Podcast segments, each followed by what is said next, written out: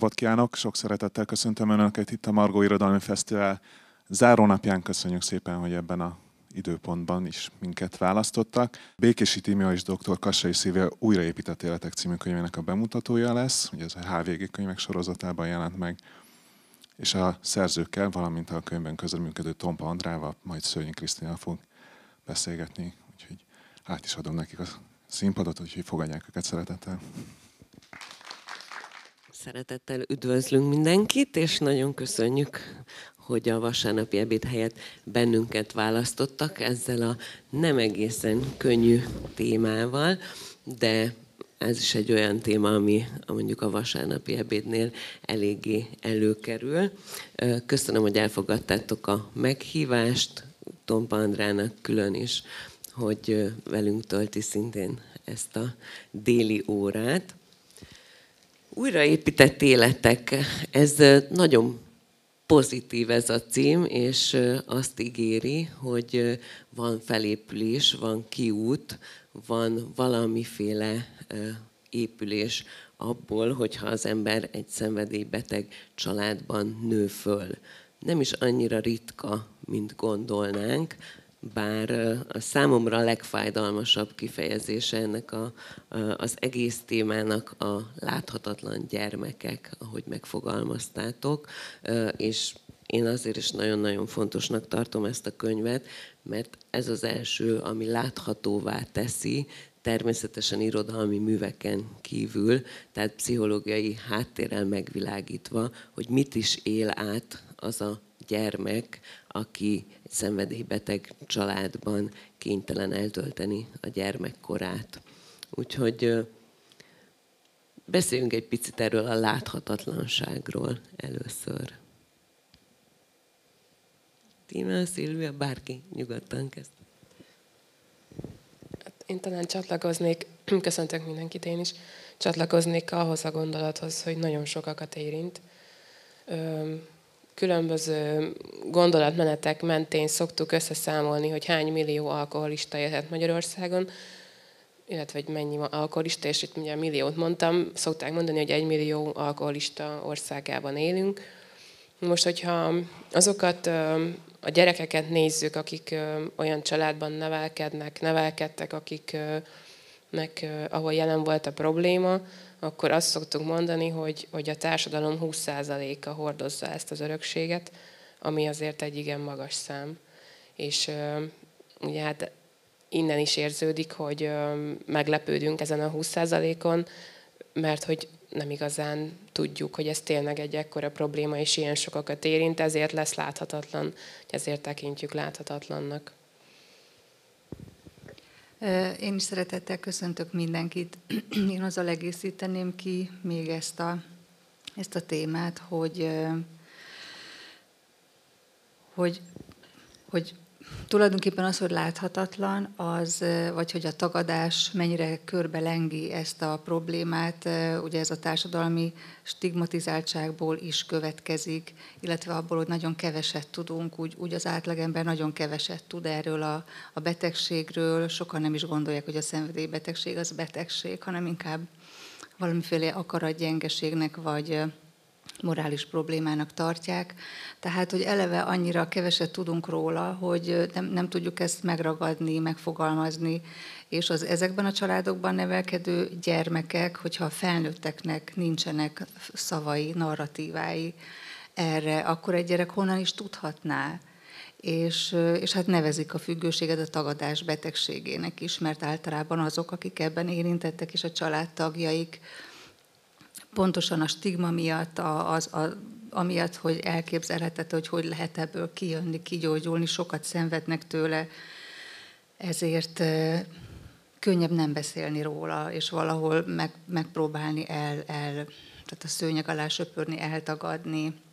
Ugye erre szokták mondani, hogy egy, egy dinoszaurusz van a nappaliban, és mindenki úgy él, mintha az ilyen teljesen természetes lenne, miközben ijesztő és félelmetes és ezt, ezt ragad, ezt emelném ki ebből, hogy az olyan, olyan félelmetes és olyan fájdalmas ezzel szembenézni, szembesülni, hogy, hogy nagyon sokáig a tagadás övezi, és szakemberként látom, hogy a segítségkérést is mennyire meg, megakadályozza azt, hogy nincs kellő információ, nem tudunk eleget erről a problémáról, és általában elég késő jönnek a családok, hogy az egyének segítséget kérni.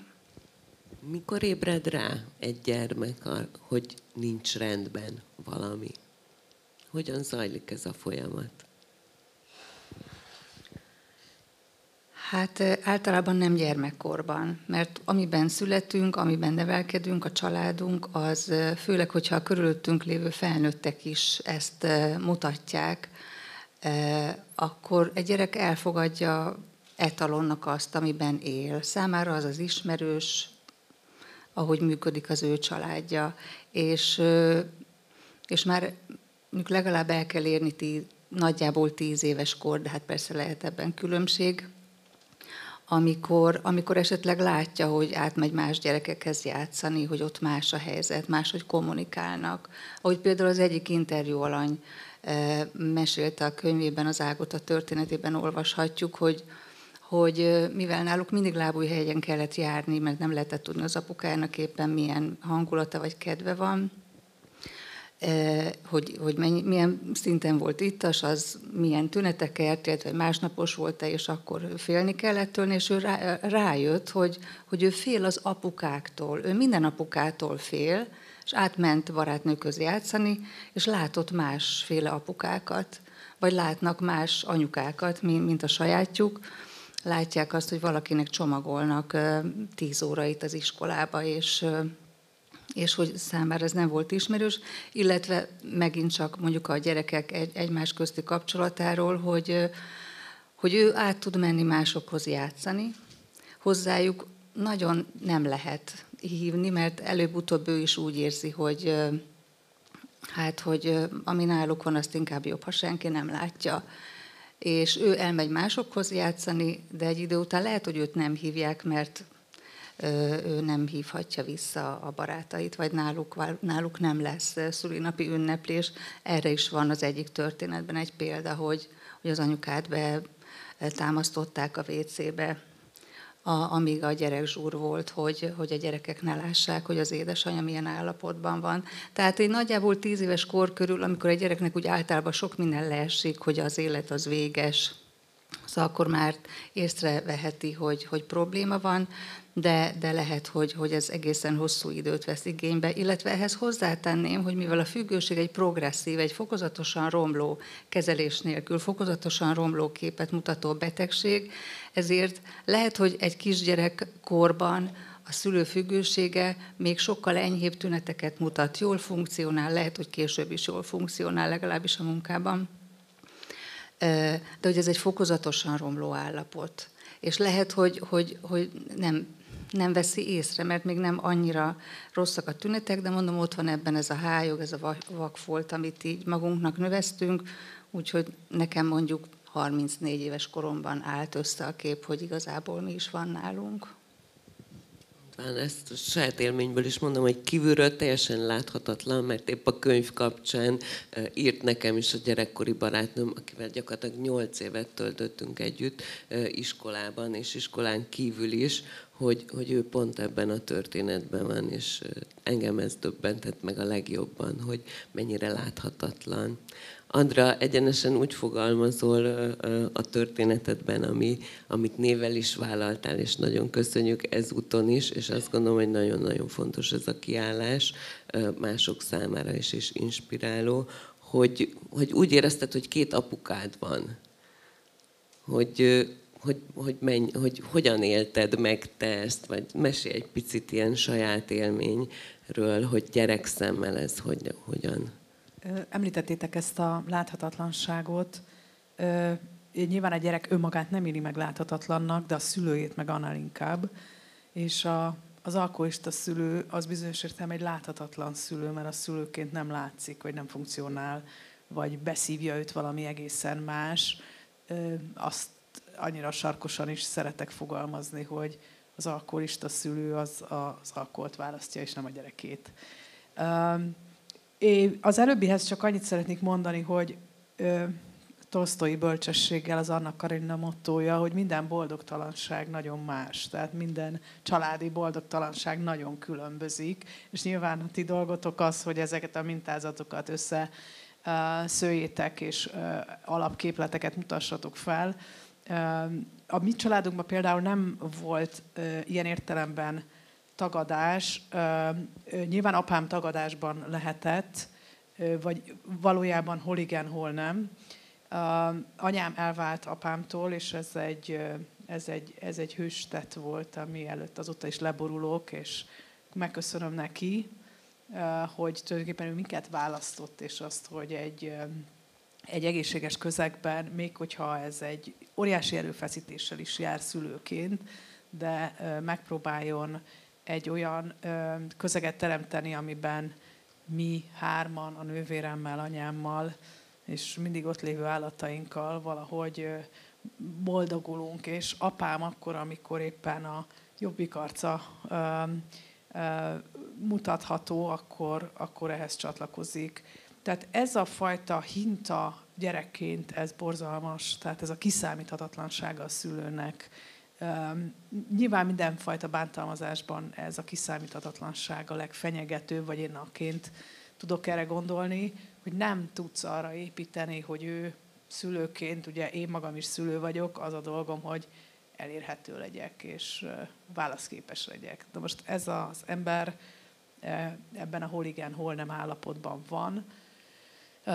Hozzáteszem, hogy másfajta bántalmazás a mi családunkban nem dívott szerencsére, és apám is időnként hullámokban belátó volt azzal kapcsolatban, hogy ő mit csinál, és ez mennyire nem de nagyon-nagyon mély szégyent élt meg, és azt gondolom, hogy mindenki megéli ezt a szégyen, de nem mindenki képes ezt hordozni, vagy, vagy így a felületen elmondani, vagy megmutatni. Ő nagyon összetudott törni, és szégyelte magát önmaga előtt, és nyilván előttünk is. Ez a ez egy, azt gondolom, hogy, hogy ez egy nagyon küzdelmes örökség. Nem véletlenül én az első könyvemben kezdtem ezt megfogalmazni, és nagyon konkrét történeteket, felismerhető családtörténeteket mondani, tehát igazából névvel én ott jöttem elő először a saját történetemmel, és mm, most ugye napokban készülvén erre a beszélgetésre próbáltam átgondolni, hogy hogyan is lettem én szereplője ennek a könyvnek. Nyilván tudom, hogy Tíme olvasta az első könyvem, és úgy felismerte nyilván azt, ami ott oda, oda van írva, de én nekem minden könyvemben van egy nagyon markáns alkoholista történet, és valahogy örülnék, ha már úgy megszabadulnék attól, hogy ezt még egyszer megpróbáljam megírni. Nyilván azért is futok rá annyiszor, mert mindig valamiféle új arca mutatkozik meg az alkoholnak. Szóval ez egy ilyen befejezett, befejezhetetlen mondat, hogy így mondjam, amiben mindig vannak újabb és újabb olyan felismerések, amelyek az, az élettörténeteket ebben a, ebben a szörnyű fénytörésben mutatják meg. És hát nyilván nem tudom, hogy erre kanyarodik-e a beszélgetésünk, vagy sem, de hát szenvedélybeteg szülők, gyermekei maguk is hordoznak sokféle szenvedét, és talán pont ebből a betegségből próbálnak kifordulni, azon gondolkodtam, hogy van-e nekem most jelenleg szenvedélybetegségem, de az, ma reggel arra jutottam, hogy talán a koffein az egyetlenben, az is már nagyon limitált mértékben, szóval, hogy a szenvedély az valahogy azt, azt tudom hordozni tovább, de mindaz, mindaz, ami nagyon öromboló, vagy másokat romboló, azt talán nem gyakorlom már. Köszönöm szépen. A másik, ami nekem nagyon érdekes volt ebben a könyvben, hogy hogy a gyerek maga hogyan alakít ki megküzdési stratégiákat ezzel a helyzettel, és hogy hányféle van. Ez ugyanannyira láthatatlan, azt gondolom, hisz van, amelyiket jutalmazzuk, a kis hősöket mondjuk, és van, van, amit meg nyilván büntetéssel vagy másfajta negatív jutalommal illetünk. Ezekről mesélnétek egy picit? Kelemen Gábor pszichiáternek a munkásságában jelent meg először ez a négy szerep, amit a gyermek egy szenvedélybeteg családban, hát sokszor öntudatlanul vagy akaratmentesen felvesz. Ugye ez a bohóc, az elveszett gyerek, a mm, hős és a segítsünk. Bűnből, köszönöm szépen. Igen, ahogy említetted, a, a, a hősnek a szerepét gyakran jutalmazzuk. Ő az, aki az e, általában az első szülött, mert hogy születési sorrend is ezt meghatározza. A hős az, akit, ö, akit az jellemez, hogy mindenben kiválóan teljesít, nagyon jól tanul, nagyon jól sportol. Ő az, aki arra törekszik, hogy elhitesse a családról, hogy ez egy jól működő család. Ha ránéznek a szülők, akkor azt látják, hogy hát minden rendben van, hiszen ilyen jó gyerekünk van ugye ő felnőtt korában megélheti azt, hogy szintén rengeteg pozitív visszajelzést kap, hiszen a, hogyha munka mániás lesz, és arra törekszik, hogy nagyon megfeleljen, akkor kaphat sok pozitív visszajelzést, de megérheti azt is, hogy ez mind mentális, mind fizikai egészségének kárára mehet. Ott van például a bohóc, amelyik ö, szerep ö, ugye azt jelenti, hogy a gyermek, aki ezt felveszi, ő nagyon kis aranyos, ö, vidám, vicceskedő, és ö, tulajdonképpen az ő szerepe valahol abban ö, gyökerezik, hogy megpróbálja elterelni a figyelmet arról, hogy a családban probléma van, mert hogyha mindenki nevet, akkor ez csak egy jó család lehet.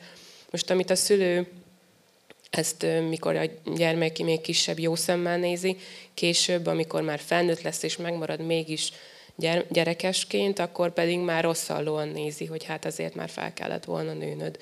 Tehát a szerepeknek, amit felvesznek ebben a nem egészségesen működő rendszerben, abban a rendszerben megvan a helyük és, a, és az igazságuk, de hogy, hogy később, felnőtt korban például pont így a hátrányok is, is előjöhet erősen. És ahogy mondtad, gyakran csak erre ismerünk rá, már egy felnőtt korban hibás működésre, és ez ad esetleg nyomot arra, hogy valami után kellene nézni, vagy kell nézni a családban. Mi történik a, a felfedezés után? Tehát mi történik az emberben, hogyha ráismer erre a problémára, ráismer arra, hogy a szülei diszfunkcionálisan működnek, nem egészen azt kapta, amit, ami járt volna neki teljesen természetes módon.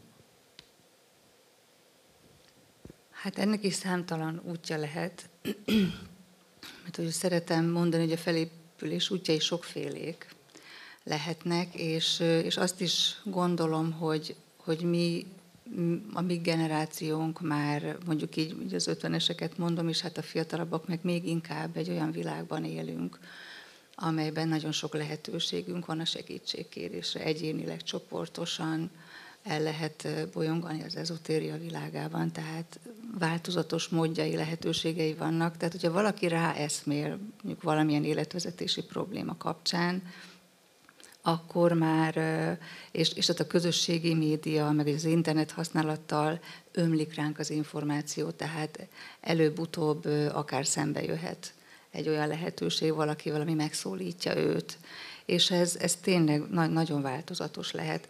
Más, más az, amikor valakinek magának is lesznek eh, szerhasználati problémái, vagy valamilyen viselkedési függőség hatalmasodik el rajta, arról eh, az már egy, az ugye kézzelfoghatóbb eh, következménye ennek a, ennek a történetnek, és az ellátórendszer egyébként erre is épül fel. És a, amikor, amikor ezt a könyvet terveztük, akkor bennem a kiinduló gondolat például az volt, hogy mivel szerhasználók felépülési történeteit már sokan megírták, többen megírták, és hogy, hogy milyen nagy, nagy ereje, hatása van a személyes történetek megosztásának. Viszont, viszont a még elfeledetebb gyerekekről, akikről nem virít messziről a stigma, és láthatatlanul élik az életüket, vagy nem feltétlenül láthatatlanul, mert valami jó dolgot tesznek, de hogy közben megvan, megvan, megvannak az ő hátrányaik is, akár az elköteleződéssel való problémában, de lehetnek ennek a nevelkedésnek, illetve a, például a munkamániának is olyan, olyan pszichés és testi következménye, tünetei, megbetegítő következményei, ami, előbb-utóbb nagyon szembe jön és kézzelfogható lesz, de hogy nagyon sokan vagyunk, vannak, akik látszólag teljesen jól funkcionálnak, jó eredményeket érnek el az életük bizonyos területén, és ők maguk sem veszik észre sokáig, hogy, hogy valami baj van. Mondjuk nekem 34 évesen a második vállásom volt az a, az a határkő ebben a, az én életem folyamatában, amikor ez a sodródásom, ami addig tartott, az megállt. És, és azt mondtam, hogy, hogy meg kell állnom, és meg kell néznem, hogy mi lehet ennek az oka, az eredője, mert hogy én nem, nem így szeretnék élni, ahogy eddig éltem. No, szóval nem tudom, mennyire válaszoltam a kérdésre. Tehát sokfélék ezek az utak, sokféleképpen akadhatunk rá, vagy, vagy jöhetünk rá, hogy, hogy valamit magunkkal is kell kezdeni. Mondjuk ilyen 25 éves kortól fölfelé már várható, hogy előbb-utóbb szembe fog jönni velünk. Én ugye egyéni konzultációkat viszek zömmel, a legfiatalabb kliensem 16 éves volt, hát most már 22, a legidősebb pedig 78 éves. Tehát, és e között persze megvan, hogy mely korosztályból vannak többen, de, de tényleg egészen különböző korú, nemű és helyzetű emberek az életük egy bizonyos pontján az a jó, hogyha el, el, eljutnak segítséget kérni. Milyen arányban öröklődik egyébként gyermekre a, a szülőszer használata? Hát az körülbelül 25 százalék. Tehát az ezekben a családokban születő gyerekeknek legalább 25%-a legalábbis erősen hajlamos lesz rá. Mondjuk én magam is tudom, hogy hajlamos vagyok a függőségre. Andrea is számba vette itt rögtön, hogy van-e szenvedély? Persze, persze. Tehát az, az már egy jó dolog, hogyha azt a szenvedélyességet, ami, ami bennünk is megtalálható, azt, azt valami pozitív alkotó, produktív munkába tudjuk csatornázni. De mondjuk én is dohányoztam sokáig, és irigyeltem azokat az embereket, akik tudnak szociálisan fogyasztani, hogy nagyon ritkán, alkalmanként, amikor valamilyen összejövetel van, akkor egy kicsit dohányozgatni. Hát én nem tudok, én vagy dohányzom minden nap, vagy nem dohányzom. Tehát be kellett látnom, hogy a szakmám szerencsére ilyen szempontból is visszahatott rám, hogy, hogy tudom, hogy, hogy nem tudom például a nikotint szociálisan kezelni, az alkoholt meg igen. Na, de hogy a lényeg az a 25 százalék átlagosan. Uh-huh. Ez azért elég jelentős arány, ha hogy így mondjuk, és, és ez begondolom benne van az, aki tudatosan nem követi ezt a mintát. Hadd idézzem az írásod címét. Sok mondatot tudtam volna Andrán az írásából idézni, nagyon-nagyon erős mondatok, úgyhogy nagy hát szeretettel ajánlom, és odafigyeléssel ezt az, ezt az olvasmány részét is a könyvnek. Nem csak, hogy nem csak megértsem őt, mondtad édesapádra, fontos-e, hogy megértsük, kell-e hogyan lehet eljutni idáig a folyamatban, hogy megértsük, ne csak elutasítsuk esetleg, vagy, vagy kizárjuk magunkat a családból, hogyha ilyen van, mint nagyon sok megoldás, vagy első megoldás születik. Én már az előbb is akartam, mert kicsit erre fordult a beszélgetés reagálni, hogy egyrészt gyerekként nagyon szűkek a, a vonatkoztatási rendszereink. Tehát egy alkoholista szülővel, amit már gyerekként is az ember próbál érteni, hogy ez, ez miért csinálja, tehát ez, ez miért jó neki, hogy ilyen állapotba kerül, meg így néz ki, meg így viselkedik, meg, meg ezt gondolja róla a környezete. A, a vonatkoztatási rendszer azt tulajdonképpen, legalábbis én így éltem meg, azt tulajdonképpen mi vagyunk a család. Tehát egyrészt jön a, a, a, az a fajta harag, amit az ember átkezd, elkezd rakni az anyjára történetesen, hogy biztos az anyám így meg úgy nem szerette, és apám meg bánatos, és ebbe folytja. És ez még hagyján, de nyilván a haragot azt az ember saját maga ellen fordítja, és elkezdi magát vádolni azzal, hogy mindennek mi vagyunk az oka, szomorítjuk apánkat és valahogy, ha, ne, ha nem is volt ilyen közvetlen ö, kapcsolat, logikai kapcsolatok között, hogy magunkra vonjuk ezt a, ezt a lelkismeret furdalást, de mégis valahogy azt gondoltuk, hogy, hogy a, a mi létünk egyáltalán az, az egy ilyen boldog taranító valami, és e, e, ezzel így felül az ember egy olyan vonatra, amiről aztán egész életében megpróbálva hogy leszállni, és néha öt percre sikerül, majd meg, megint visszasodródik, jobb, ha nem alá, ha nem rá. Szóval ez az önvád, az, a, az, a, az, az, hogy kevés vagy, nem vagy jó, nyilván ez az önbizalmunkat is rettentően megtépázza. És én nem, nem tudom igazából azt az utat így felrajzolni, hogy mikor van az a pont, amikor mégiscsak megpróbálok túllátni ezen a családon, Például megpróbálom látni azt, hogy anyám micsoda erőfeszítéseket tesz azért, hogy mi egy működő család legyünk, hogyan gondoz minket, dolgozik három helyen, stb.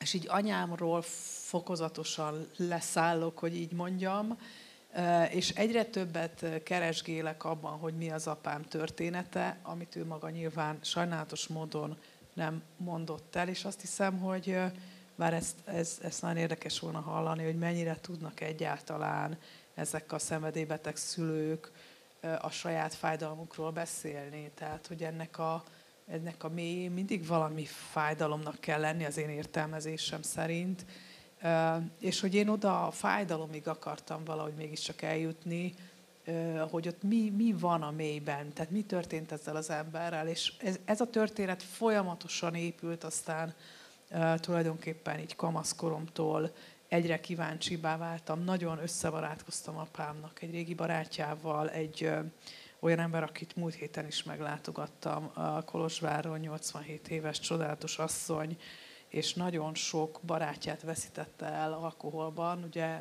mm, beszéltetek a magyarországi alkoholról, de valószínűleg, ha a romániai magyarság körében volnának fölmérések, akkor a számok még ijesztőbbek volnának, tehát még durvábban átjárja a családokat ezek a, ez a függőség, és elsősorban az alkohol, legalábbis ebben a nemzedékben. És akkor ezt a történetet megpróbáltam, tehát megpróbáltam egyrészt apám történetét valahogy így emberekből kihámozni, meg aztán később magam kutatásaiból, és és ez egy, ez egy szinte azt mondanám, hogy befejezetlen, befejezhetetlen történés, tehát most is keresem és kutatom az ő családi történetét. Itt van egy ilyen holokauszt érintettség is, ami, ami mindig valahogy nagyon összetöri az életeket, hogy ilyen keveset mondjak, vagy ilyen ügyetlenül fogalmazzak. Tehát, hogy ezeknek a, ez a megértés számomra nagyon fontos volt, mert hozzáteszem, hogy én nem egy ilyen gyűlölt, bántalmazóként látom az apámat, hanem egy nagyon szeretett emberként, akit, akit tényleg nagyon összetört a saját élete és kiskorú elhagyott, elhagyatottsága, stb. stb.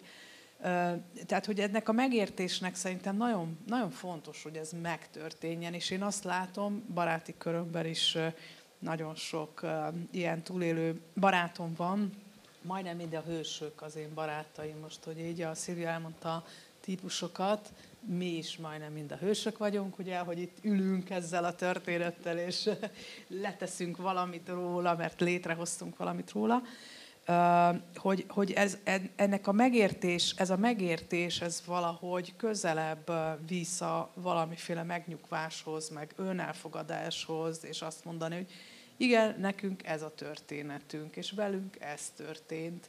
Ez nem jó, erre nem vagyunk büszkék, és ha húztunk volna a lottón sorszámot, akkor nem ezt szerettük volna, de, de most már ez így van. Tehát ez a megértés szerintem ez sokkal, főleg azért, mert valahogy így a, az értelmünkkel is próbálunk ezekre a történetekre ráközelíteni, és nem csak a szívünkben gomolygó, nagyon bonyolult és egymásnak mondó érzelmekkel.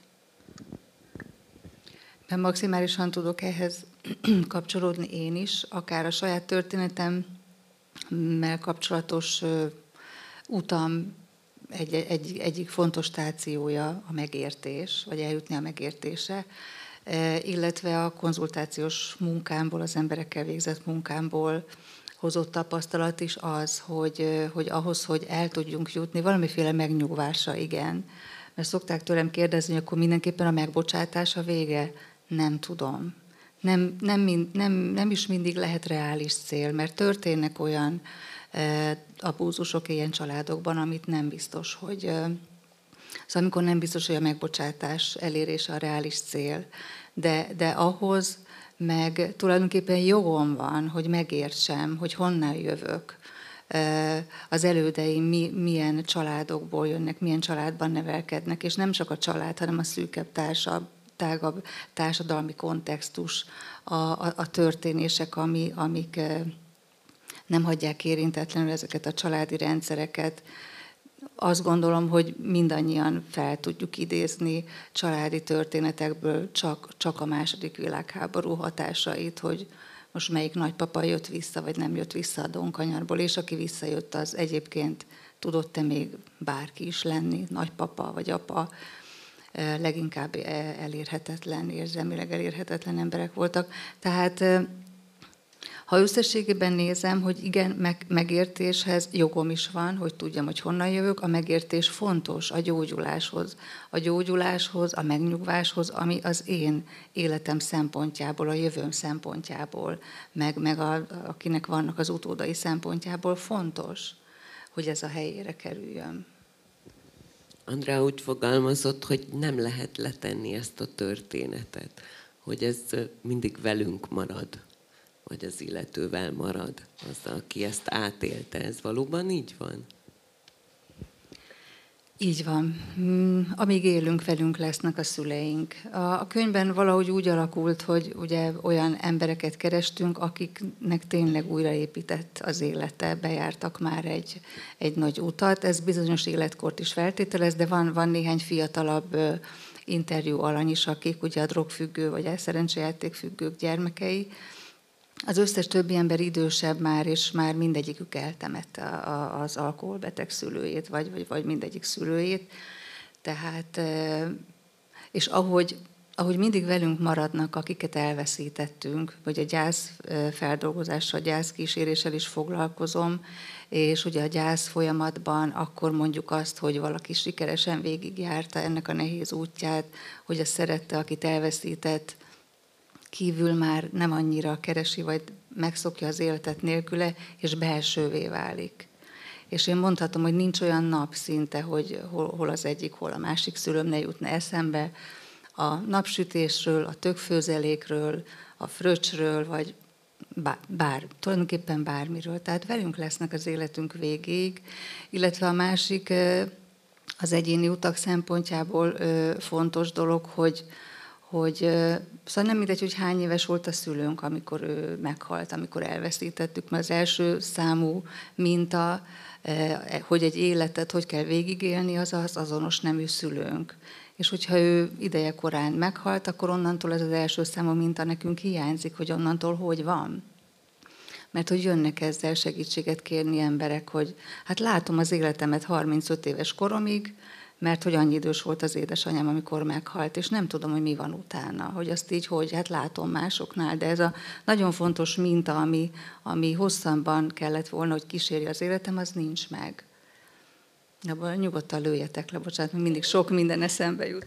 Szilvit bologat. Igen, meg. igazán itt egy a pszichológiának a szemléletét fűzném ide. Ugye ott azt tudjuk, vagy azt tanuljuk, hogy a, hogy a gyermeknek az első évei a, a legfogékonyabb, amikor a fejlődése tulajdonképpen a legaktívabb fázisban van. Az első hat hónap, az első három év, az első hat év, ugye különböző fejlődési célokat kell ezekben az időkben teljesítenie, és amennyiben nincsenek meg azok a feltételek, az a családi rendszer, az egészségesen működő családi rendszer, amely biztosítja ezt az egészséges fejlődést, akkor nagyon sok mindenben elakad az ő fejlődése vagy esetleg olyan irányba megy, ami, ami nem egészséges. És mivel, hogy ugye ez az egy szenvedélybeteg szülőnek, egy gyermekének a, az élete egy ilyen közegben indul, ezért így a hatások életre szólóan vele lesznek.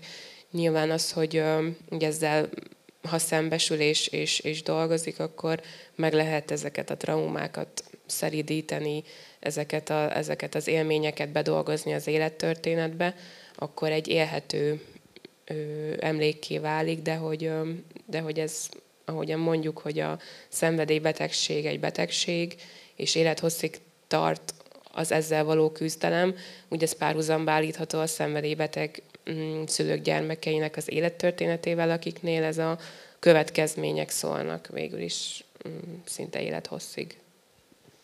Köszönöm. Most csak egyetlen egyet, mert lassan fogy az időnk, illetve gyorsan fogy az időnk, és ez a téma elég nagy, úgyhogy remélem majd tudjuk még folytatni a beszélgetést. Egyetlen egy égető és fájó és rettentő érzést emelnék ki a szégyent, amit ugye gyerekként igyekszik elkerülni az ember, és talán azt hiszem, amikor, amikor mondjuk szembe kerül a család történettel, vagy realizálódik ez a történet, megfogalmazódik, akkor a szégyen a legerősebb és talán legszenvedősebb érzés. Hát ez valóban áthatja, ugye több okból áthatja ezeknek a családoknak a, az életét, és, és hosszasan küzdhetünk mi magunk is ezzel. E, és lehet, hogy nem is veszük észre sokáig, hogy mennyire meghatározza ez az érzés, azt, hogy hogy vagyunk jelen a kapcsolatainkban, a munkáinkban, a tevékenységünkben, hogy ez a szégyen mennyire, mennyire áthat, e, és, és hogy ez sokkal több annál, mint hogy most valakinek csúnyát mondtam, és akkor utána szégyellem magam, ez sokkal mélyebben hatja át a működésmódunkat. Én például az első diplomámat hát nagyon nehezen szereztem meg, mert egyrészt az önbizalom hiány is jelentősen korlátozott ebben, de hogy, de, hogy, de hogy a szégyenérzés mindig ott volt, hogy mit keresek én itt az egyetemen. Hogy majd egyszer biztos rájönnek, hogy én nem is vagyok elég okos, hogy mit keresek én itt. Én magam is csodálkoztam, hogy megint ötösre vizsgáztam, megint ötösre vizsgáztam, jó, mondjuk a Pécsi Néprajztanszéken nagyon emberiek voltak a körülmények, de, de hogy, tehát nem volt cél a diákok szivatása, de hogy, de hogy ez a szégyen végig ott volt, hogy, hogy szégyellem magam, hogy én itt vagyok. Hogy nekem valahol máshol kéne lennem, nekem eladónak kéne lennem, ami majdnem lettem, mert hogy van egy ilyen szakmám, hogy kozmetikai és vegyi cikk így ezzel kezdtem a, a, a, a középiskolai tanulmányaimat, és Miközben folyamatosan ott volt bennem a vágy arra, hogy én ne ezt csináljam, mert hogy érzem én itt, hogy én tudnék valami többet is, és hogy szeretnék valami többet is.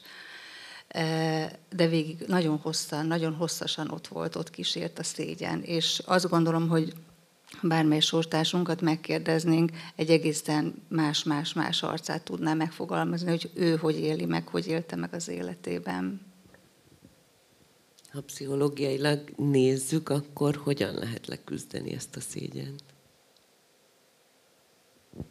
Hát azt gondolom, hogy itt, um, itt ezt párhuzamba kell hozni a magának a múltnak a feldolgozásával, hiszen um, itt Andrea is említette, és benne van a könyvben is az interjújában, hogy, hogy mondogattam magának, hogy de nem én vagyok a hibás. És hogy ennek az elfogadása évekig is tarthat. Szerintem pont ez a, a megértés az, ami, ami hozhat ebben gócsot. Megérteni a szülőt, hogy az ő szenvedélybetegsége miért alakult ki, megérteni azt a családi helyzetet, hogy ami ott történt, az miért történt, és, és felfedezni abban, hogy a gyermek az, az tényleg nem hibás, és, és nem egy szégyelni való. Ez egy, ez egy nagyon hosszadalmas, önismereten, önbizalmon való munkát jelent, ez biztos. De mindig megéri, azt gondolom. Nem igaz? Um, azt ígértük az elején, hogy pozitív kifutása lesz akár a beszélgetésünknek, ahogy a könyvnek is egyébként abszolút pozitív hangulata van, hogy így mondjam, a nehéz téma ellenére, ezt magam se gondoltam volna, de, de nagyon-nagyon felemelő, vagy nagyon-nagyon bátorítóak ezek a történetek. Andra említetted, hogy már a, szinte az első írásodban rögtön megjelentek. Érezted ennek a terápiás hatását? Én azt gondolom, hogy tudattalanul törtek fel ezek a történetek először benned, de hogy később volt-e valami tudatosság, hogy dolgozni ezen az íráson keresztül? Ez, ez, mivel ez egy regény volt, vagyis a, akkor már valószínűleg régóta túl voltam azokon az írás típusokon, amelyek kifejezetten azzal a célral íródnak, hogy azok ilyen terápiás céllal um, magunkat erősítsük vele, mert hiszen ezt, ez, ez, ez volna a fordítása. Tehát egy, egy regény feladat ilyen értelemben ö, annyiban más, hogy az a személyestől el akart lépni, és sokkal inkább az volt a feladata, hogy egy, egy univerzálisabb emberi történetet elmondani, ami nem csak a mi családunk, nem csak a mi történetünk, nem a mi bajunk, nem a mi fájdalmunk, hanem oda mondjuk az olvasók is becsatlakozhatnak, és ezen a történeten keresztül mondjuk a sajátjukkal kezdenek el valahogy beszélgetni. Tehát az első könyvem, ami ami neki nagyon a centrumában az apám volt, a maga nevével, történetével, de mégis regényszerűen, ott nagyon kerestem azt, hogy hogyan lehet úgy írni a, a saját anyagból, hogy oda be, be lehet mást hívni, hogy a másik ember majd szintén a saját történetére ismerjen rá. És ilyen értelemben én nagyon meghatározónak érzem azokat az olvasmányi élményeimet, mások nagy könyveit, amelyek szintén elkezdenek engem elvinni, nem egy idegen világba, hanem vissza a sajátunkba. Ezért is írok irodalmat, mert hiszek abban, hogy ez erre képes az irodalom, képes a művészet, hogy tulajdonképpen ezt a kapcsolatot önmagunkkal létrehozza, és, és benne tartson magunkba. Tehát ne arra hívjon, hogy ezt most csukjuk be ezt az ajtót, mert itt olyan szomorú dolgok vannak ebben a családban, hanem ellenkezőleg azt mondja, hogy menjünk be és nézzünk ott körül, mert ki fogjuk bírni. Ez meglepő, de ki szoktuk bírni. És ö, engem az érdekel az irodalomban, én ilyen értelemben nyilván írtam a kamaszkoromban rengeteget, meg a 20-as éveimben ilyen terápiás célral, de, de az irodalomban ott valahogy mások a feladatok, ott már az olvasó fontosabb, mint a ilyen értelemben a saját személyes történet. Hát azt gondolom, ez a visszatalálás önmagunkhoz, vagy megtalálni, rátalálni önmagunkra, ez abszolút gyakorlatilag mindenfajta terápiának a lényege, úgyhogy ilyen szempontból nagyon-nagyon hasonlóan működik, ahogy a történetek is működnek. Végezetül néhány lépést vagy mérföldkövet, akár biztatásul megkérlek benneteket, hogy emeljetek ki az újraépítkezésből. Mik azok a fontos momentumok, amikre már lehet újraépítkezni, vagy, vagy azok, azok a dolgok, amiket meg kell lépni, meg kell tenni, meg kell gondolni ehhez. A könyvben két útját mutattuk meg, vagy két elemét mutattuk meg ennek a, az építkezésnek. Az egyik a nagyon fontos a gyász folyamata. Itt kétfajta gyászról beszélünk. Az egyik az a gyász, amelyet a, egy szenvedélybeteg családban felnőtt gyermek akkor él át, mikor szembesül vele, hogy tulajdonképpen az ő jelenbeli problémái, elakadásai a múlt diszfunkcióiból fakadnak, és ö, ilyenkor az, hogy ezt ö, elengedje, ahhoz, ahhoz el kell gyászolni, és, ö, és ö, el kell siratni, hogy nem lehetett olyan gyerekkora, amilyen lehetett volna, nem voltak olyan szülei, aminek ezt szeretett volna, és ö, ebben ö, találhatja meg azt gondolom azt a fajta megnyugvást vagy megértést, amiről beszéltünk. A másik, amit a könyvben megjelenítettünk, azok felépülésnek hívjuk szenvedélybetegeknél a gyógyulási folyamatot, és ez nemzetközi szakirodalomban egy igen gyakran és nagyon sok perspektívából bemutatott folyamat, mert hogy tulajdonképpen a legtöbb elakadásból, mentális betegségből már lehet ezt a felépülés elemeit hangoztatni, és, és megmutatni, hogy ez, ez segít a, az embereknek, és tulajdonképpen itt a könyvben is ezért említettük meg, hogy vannak a, a felépülésnek elemei, amelyeket lehet követni egy, egy szenvedélybeteg családban felnőtt gyermeknek is. Ilyenekre gondolok, hogy például megtalálni egy, egy értelmet adó, az életnek értelmet adó tevékenységet vagy szerepet, amely, amely pozitív, olyan közegben, olyan társas kapcsolatokat építeni, szerezni, amelyek megerősítik ezt a pozitív folyamatot, pozitív identitás építése. Most ilyen pszichológiai szavakat mondok, de tulajdonképpen ezek azok, amikről már beszéltünk is, hogy ne a szégyen hassa át valakinek a, az én képét és az identitását, hanem, hanem hogy meg, tud, megerősítse a pozitív, pozitív én képét végülis ez, ez a kettő, ami a könyvben szerepel, és ez, ez talán nagyon összefoglalóan, amelyek segítségül jöhetnek ebben a folyamatban. Inkább nyugodtan. Tehát... Annyival egészíteném csak ki, hogy most nem stációkat emelnék ki, hanem hogy a felépülési út. Hogy azt mondjuk, hogy a felépülés egy élethosszig tartó folyamat, küzdelem. De hogy ezt ne úgy képzeljük el, hogy, hogy akkor élethosszig a lövészárokból ott küzdök, meg harcolok, hanem, hanem hogy, hogy vannak, mint, mint általában az ember életciklusaiban, vannak egyensúlyi szakaszok, és van egy változás, ami, ami akár az életciklusból természetesen ö, jön, hogy mondjuk férhez megyek, vagy gyerekem születik, akkor ugye egy nagy változás történik, akkor az előző élet, egyensúlyi állapot megbomlik, és újra kell építkezni, vagy újra kell rendezni már ugye egy következő szintre. Tehát ugyanúgy a felépülésben is vannak egyensúlyi szakaszok, és lehetnek olyan pontok, amikor, amikor megint erősen szembe jön velünk az örökségünk, vagy a fájdalom, vagy valami ezt aktivizálja, vagy amikor éppen elveszítjük ugye a szüleinket, és hogy, hogy először megkönnyebbülünk, és, és akkor keressük, hogy de hát ez valahol a gyásznak is meg kell majd egyszer jelenni, valakinek három év után e, érkezik ez meg, mert addig tart a megkönnyebbülés, ez ugye függ a múltjuktól. Tehát, hogy ne úgy képzeljük el ezt a felépülési utat élethosszig, hogy ez olyan nagyon, mindig nagyon nehéz, hanem, hanem arra gondoljunk, hogy mindig lehet jobb és jobb, és teljesebb az életem, és miután megtanulom, hogy elsősorban a saját jól létemért vagyok a felelős. Hát gyerekkoromban ugye mások, azt tanultam meg, hogy a másokért hogy kell felelősséget vállalni, de ha megtanulom felnőttként, hogy elsősorban magamért és a saját jól létemért kell felelősséget vállalni, és mindig lehet jobb és jobb az életem, akkor miért hagynám abba ezt a felépülési utat?